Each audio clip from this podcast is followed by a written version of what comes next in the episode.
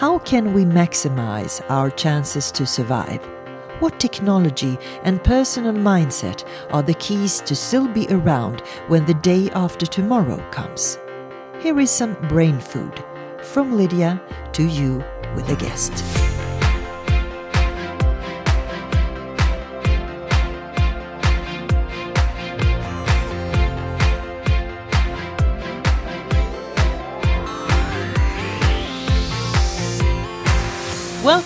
Peter Hinssen, to my podcast.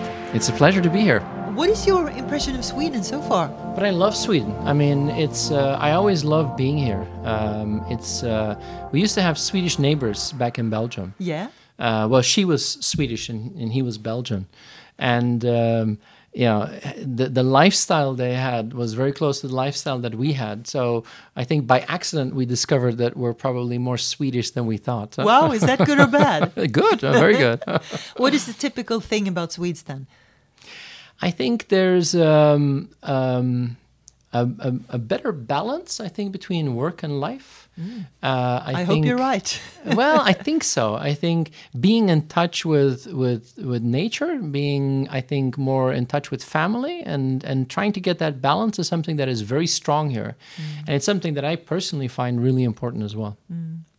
Uh, so, Peter, I must say that taking the same book title as the Bond movie, The Day After Tomorrow, is a very smart PR trick, regardless if you meant it or not to to be a PR trick. So, uh, well, what was the your idea about that? It, it, was a it was a disaster actually because yeah. um, we had to spend so much time with lawyers clearing the rights. Uh, we I, I didn't know that the movie studios had such you know incredibly horrible lawyers. no, but did you have an idea of, of sort of people that you wanted people to think about Bond when you gave no, the title? it was really something when when I started to to think about this concept of today, tomorrow, day after tomorrow, which is you know that two horizon thinking but it's very simple when you put it into today tomorrow day after tomorrow and i use it in a workshop together with my colleague steve and steve van Belleghem and uh, we we were in barcelona doing a workshop and during the night I came up with the idea and I put some slides together and and it was just like an instant hit. And then I thought, damn, I have to use this. And then I got into trouble with the movie studios. So yeah, I just I just like the framework very much. But obviously it went well because you still have a book title that yeah. is called The Day After Tomorrow. uh, so so I'm really curious about this. Did you ha have to pay them a lot? Yes. Yeah. yeah. yeah. so that how that is how important the title was.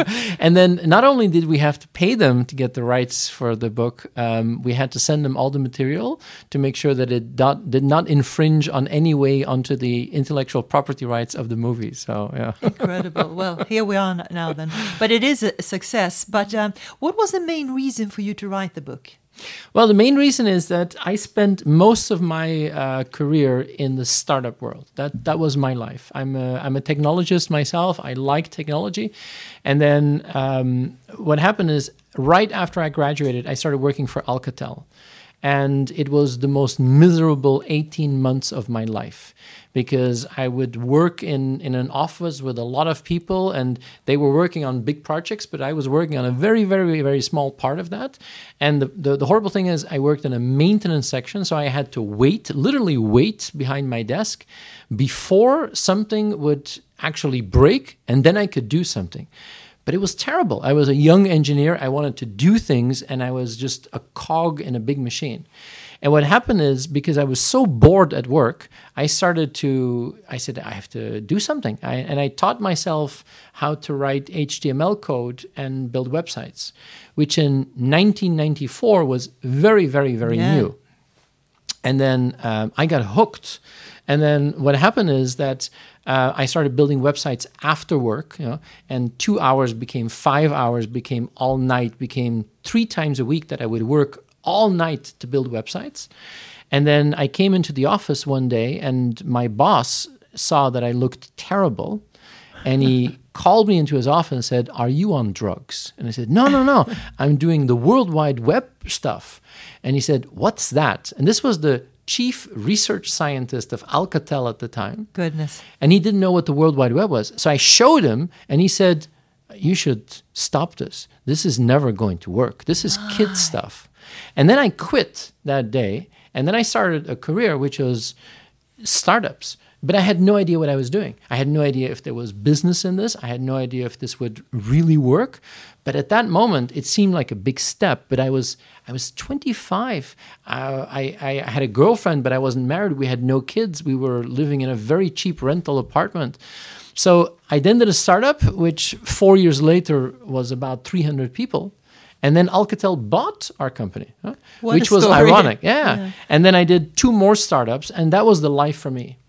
But the last company was a startup that we put on the stock exchange. We did an IPO in 2006, and then we were publicly quoted for four years. After that period, my family had had enough.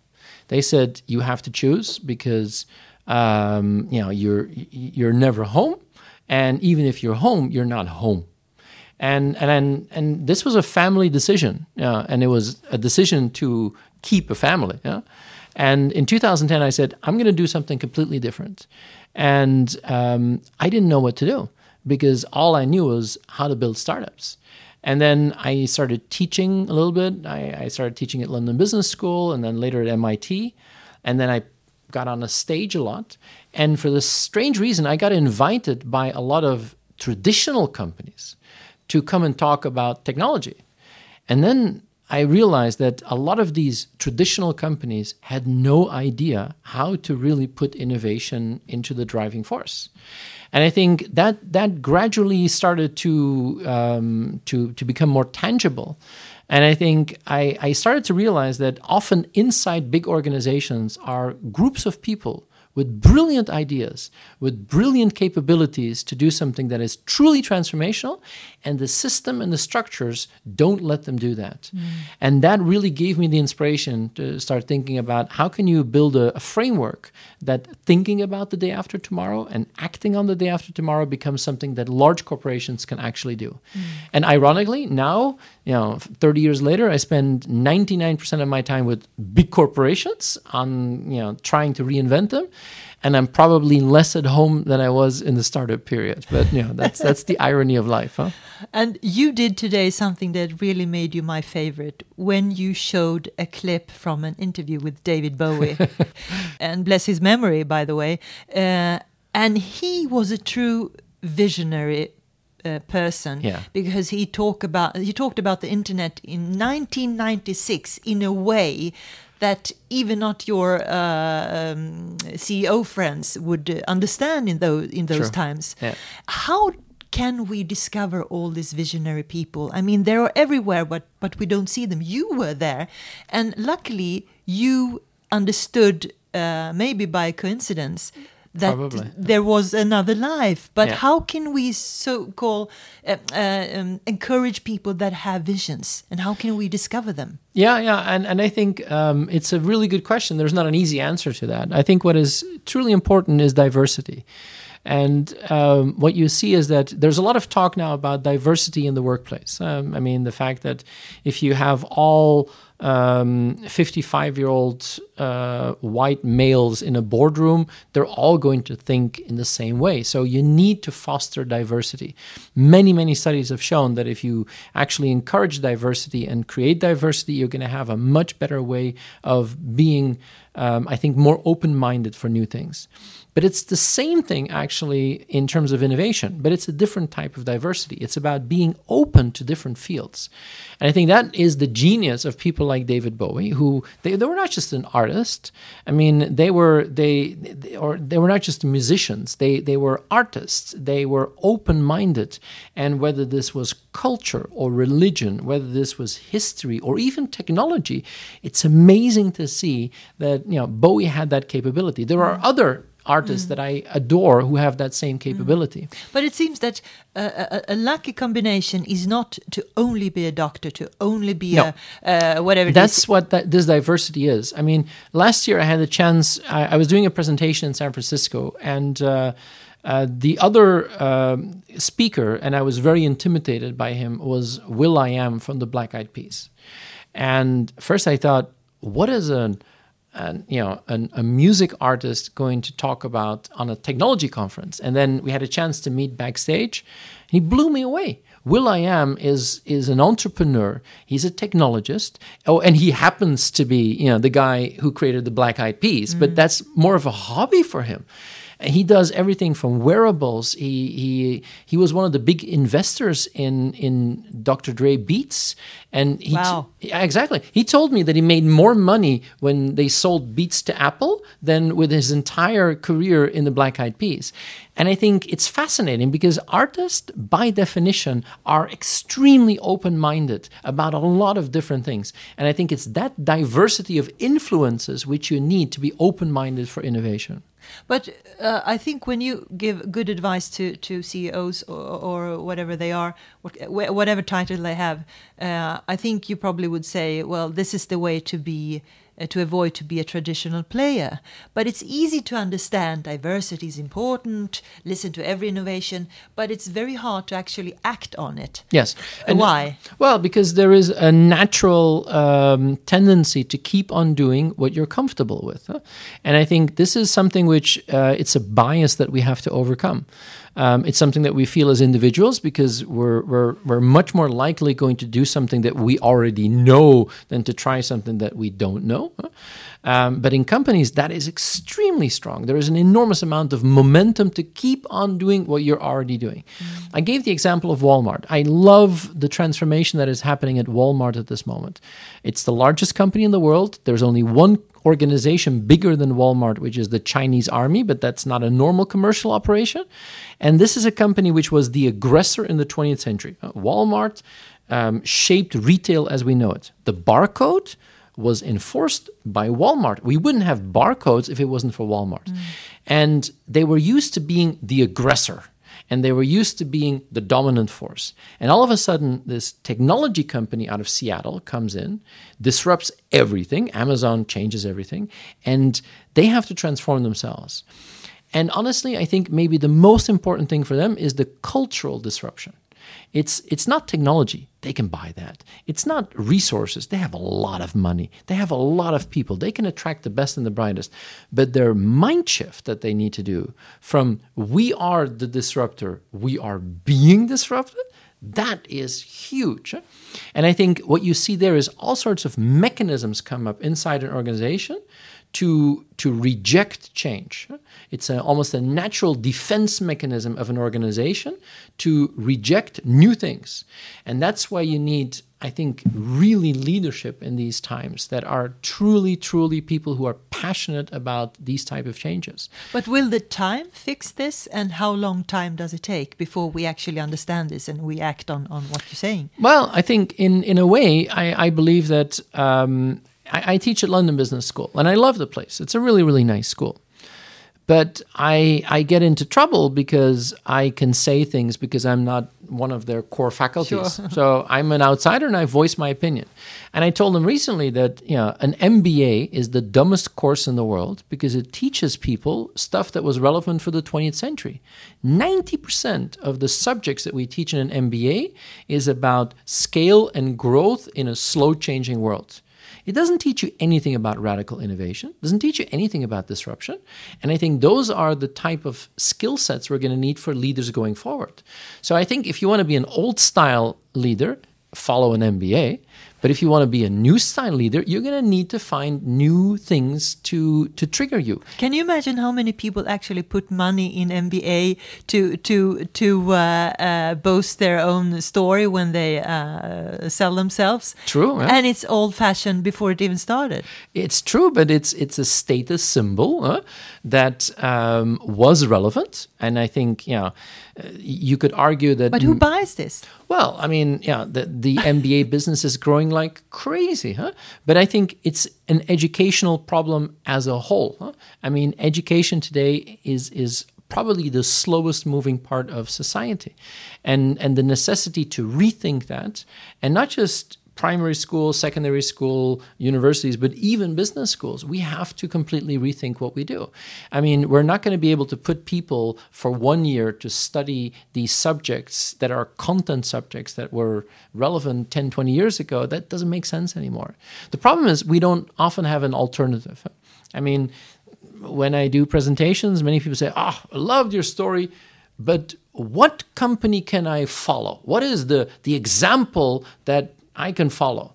And I say, that's the dumbest question in the world because that's exactly your old school thinking. The old To school was someone. we're going to follow someone huh? and we're going to wait until the final Harvard Business Review article is out and then we follow these seven steps and we'll be fine.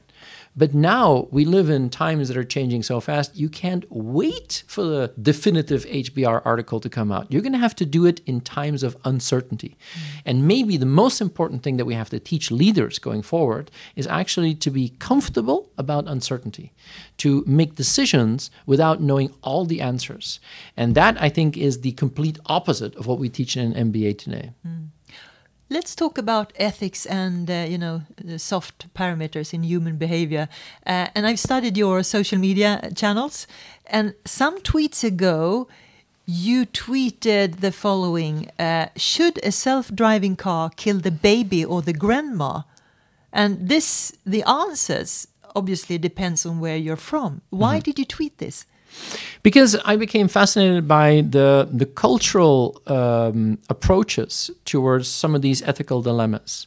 Um, I met a guy um, a few years ago, and he did uh, a really interesting piece of research. He actually went to uh, different countries around the world, different cultures, and he asked those very, very difficult ethical dilemmas. Nobody wants to kill anyone. I mean, unless you're a sociopath, but nobody wants to kill anyone. And very early on, he started asking these horrible questions, huh? like you're in a car going down the hill and you can turn left or right, but your brakes are gone. And if you turn left, you're going to kill uh, three small children, and on the right, you're going to kill a 90 year old grandmother. huh?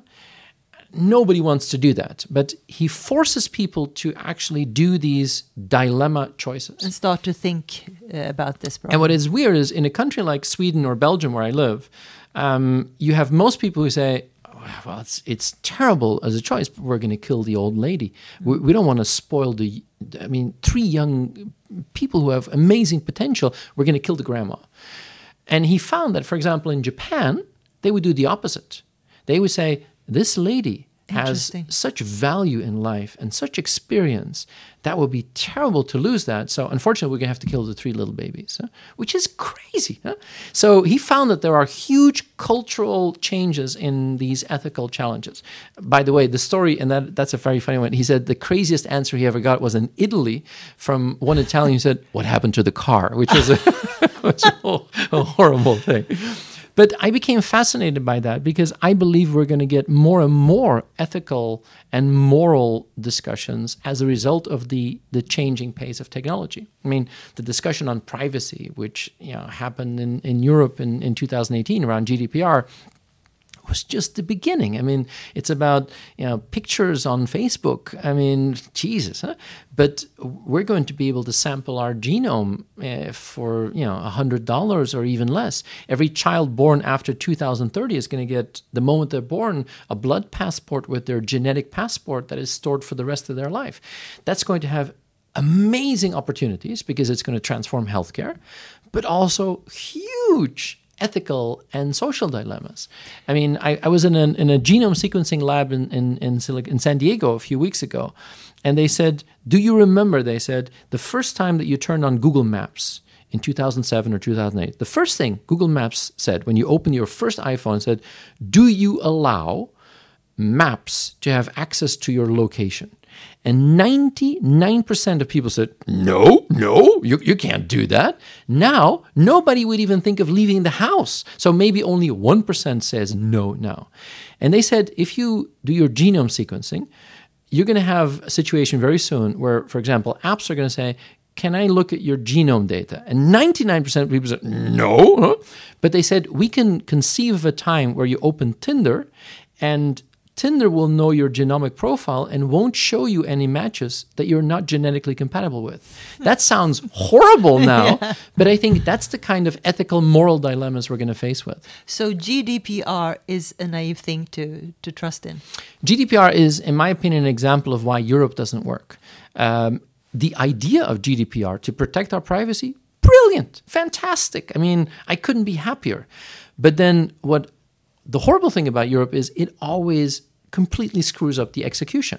GDPR was a brilliant idea, which then got into all these national committees for privacy and privacy commissions. And in the end, we all got hundreds of stupid emails. I mean, you, you, you've bought one frying pan 15 years ago online and said, oh, please stay with us. We've changed our privacy policy. That was stupid. Huh? So I think i the idea of GDPR, brilliant. The execution, sad story of how Europe works today. Mm. Um, I love Google. Mm-hmm. I love Google because you can Google anything. You can even Google stupid questions and you can Google smart questions. And I Googled what is the best question you can put to smart people? and anyway, there were a lot of uh, questions, but one or two questions are really always a good question to put. So I'll put some of them to you. What is your idea of perfect happiness? Perfect happiness. Well, it's a really good question. I think um, I'm I'm somebody who who um, really enjoys being in control. Huh? Um, with the life that I lead, I'm, I'm traveling all the time, and then I'm always in fear that my connection is going to not work, or my plane's going to be delayed, or so I like to be in control. The irony is, I'm probably most relaxed where I don't need to control anything. And I spend two months a year, uh, July and August, where I don't work. I, I don't read any emails. I don't pick up any phones. I don't do any conferences. We live on a farm, very rural in Belgium. And I spend two months uh, taking care of the, the animals and, and mending fences and, and driving my tractor. And there are many times where I think that's probably the, the best and the most happiest place that yeah, I am. Yeah, sounds like healing almost. Maybe it's also an antidote for a lot of the very fast paced and, and you know the technology push and the digital side. Maybe it's a it's a counterbalance that. I absolutely need. But you have the opportunity to do this, and people often discuss what will technology uh, do with us people. But isn't this this this is uh, the a natural development of yes. human yes. behavior? I mean, you said uh, that, that I have the opportunity to do this, and you're right. I mean, I have a, a job which allows me to do that. I believe we're going to get into a situation where more and more people will have that opportunity. And I, I give you an example. A few months ago, I, I, I lost my passport in in in uh, on the way to the airport. I realized I didn't have my passport, and then called an Uber because I knew where I, I lost my passport. And then the Uber guy was extremely helpful in, in figuring out what to do. And, and I, I, I got my passport and, and I got the flight. And he started telling his story. And, and this guy was, um, he actually used to be a truck driver. And he would drive his truck six days a week. And he said it was the most boring job in the world, but I needed it to pay the bills. And he says, I now live on a farm 100 kilometers from San Francisco. And I only work on Friday and Saturday because those are the busiest days for Uber. And on Friday morning, very early, I leave home. And my family knows I'm going to be gone for two days. But in the two days, I make as much money as I used to did driving my truck six times. And he says, the rest of the week I can take my t- kids to school. I can take care of my my garden. I, I can I can do things that is really enriching for me as an individual. And he says I'm perfectly happy with that. And I believe we're going to have more and more people who will have the capability to reorganize their life in in a completely different way. Mm. Why do we work five days a week? Why do we take three weeks vacation? I mean, there is no absolute physical law or natural law, which no, we've, we've gotten used to that. But look at how many people are burned out, how many people are stressed out, how many people who don't even in when they are on vacation, they can't switch off anymore. Or it takes them three days and they become ill because they're used to the stress and then they get stressed because the vacation is running out. It's terrible. I think this is a great opportunity. I do think we're going to have to then be very flexible. I mean, the governments should play a huge role in that. We're going to have to rethink work, and, and, and I think that could be an amazing thing for human beings. When is literally the day after tomorrow? well, it's always going to be there. I think that's the, the, the constant thing.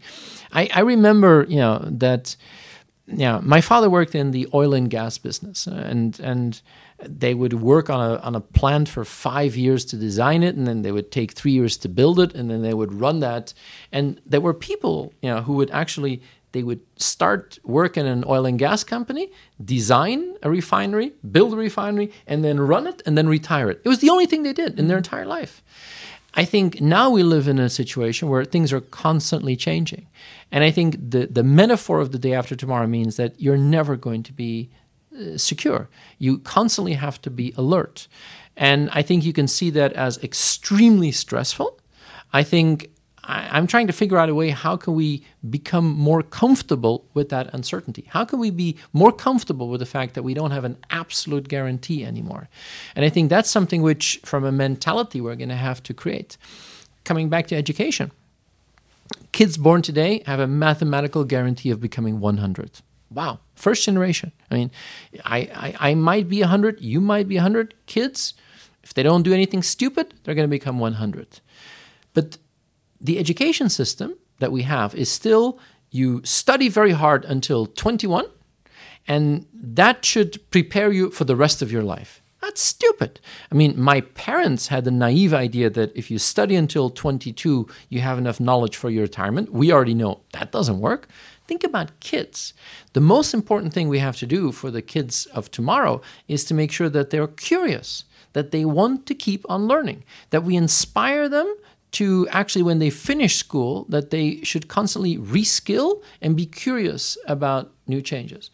How many education systems in the world do we have that get people excited to learn more? Most of them are just fed up the moment that they get out. So I think those are some of those changes that we need to do. And I think that's going to be, uh, in my opinion, one of the biggest challenges we've ever had as humankind. Mm. And I always almost blush when you talk about this because uh, I have mentioned uh, this problem in so many podcasts, and suddenly I, I thought I, I, have to finish to, to criticize the system all the time. And now you bring it up yourself yourself. so there is an issue here.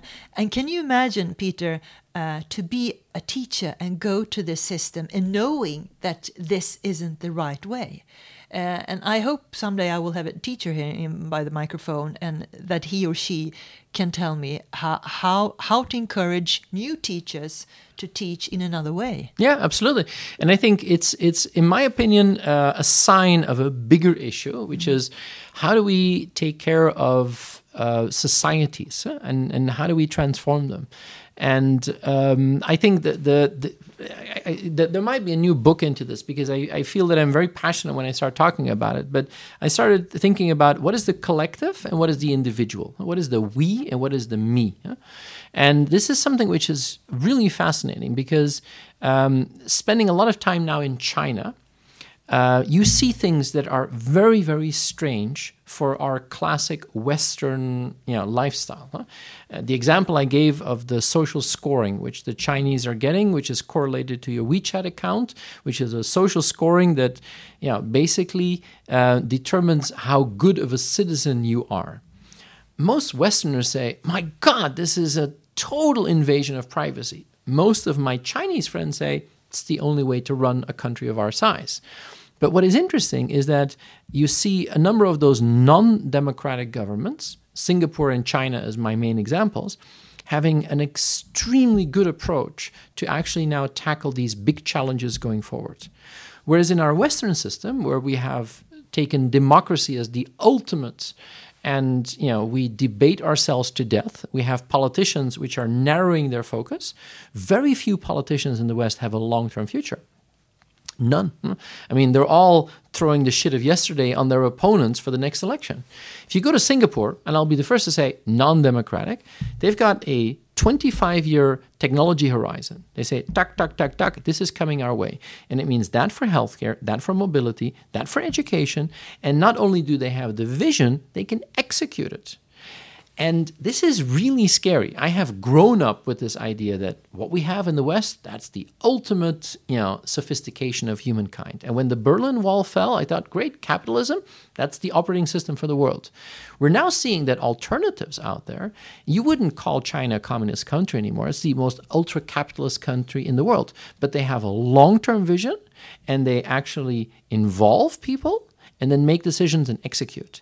And it's really, really weird. I think we're probably going to see a lot of those tensions in the next couple of years, where some of the mechanisms we have for governance of countries or regions or continents, we're probably going to have to completely rethink that.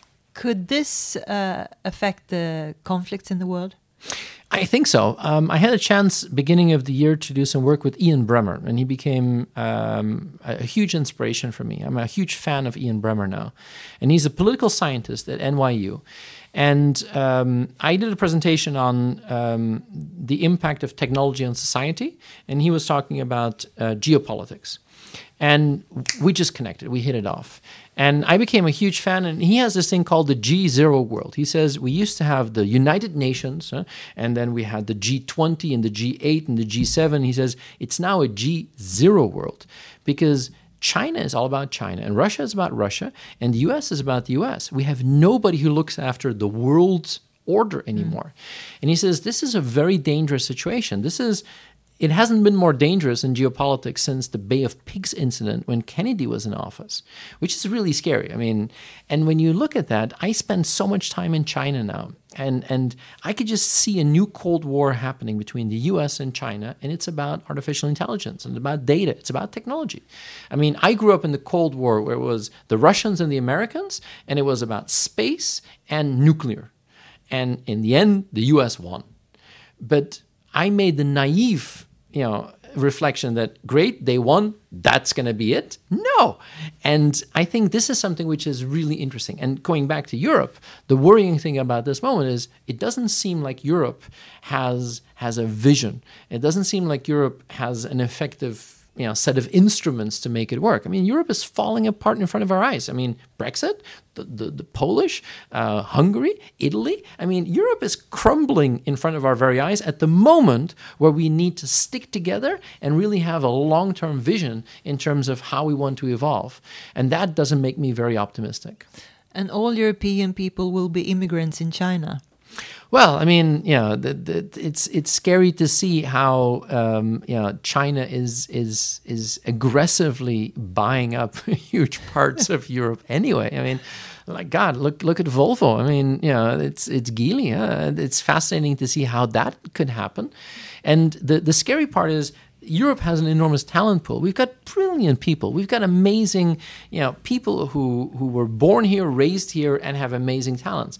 But there is an enormous amount of them which doesn't believe they can still do it in Europe. If we don't have a mechanism to convince these people that we can do it here and really have a thriving environment for them to think creatively and innovatively, I think we have a, a huge issue going forward. So you have a lot of, lot to do.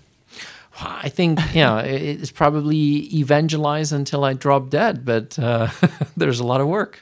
Why do you have a red ribbon around your hand? Oh, I was in Brazil, and and they gave me that, and the moment it falls off, then you can do three wishes, but it hasn't fallen off yet. So and you uh, worn it for how long? Uh, for four weeks already. Yeah, but uh, yeah, and and of course the the puppies as uh, you know. matches. Are you allowed to talk about the three wishes? Oh, it was. I, you know, I have a wife and two children, so it's pretty clear, you know, what the three wishes would be. I see. I see. Now, um, uh, do you want to know my motto? Yes, please. Because I really like it, and I think you like it too. It goes like this: He or she who asks a question is a fool for five minutes he or she who does not ask a question remains a fool forever. I like that. I love that. And it's a Chinese proverb, oh, of course. Of course. and talking about questions and to never give up and to always uh, ask things. And here comes another stupid question, but maybe I will be uh, a fool for only five minutes. What was your latest post on Instagram about? My latest post on Instagram was um, when I came here yesterday into the airport. Um, I saw the um, Willkommen, I think, um, when I arrived in Gothenburg, and it had that um, Volvo font because I used to drive a Volvo, and I remember, hey, that's a Volvo font, and then I really liked that Willkommen in Gothenburg with the Volvo font. So I, I think I put that on Instagram. Yeah. Actually, I know it said uh, uh, "Welcome to Härryda," and it's the the part of, of town where the airport is. So ah, you're okay. definitely correct. Um, my name is by Lydia on Instagram, so so we should connect uh, yes, in the future. Uh, we should. Um, and and Peter, I really must say, I hope I will see you the day after tomorrow as well, not only today. I'd love that very much. Uh, Thank you and good luck. It was a pleasure. Thank you very much.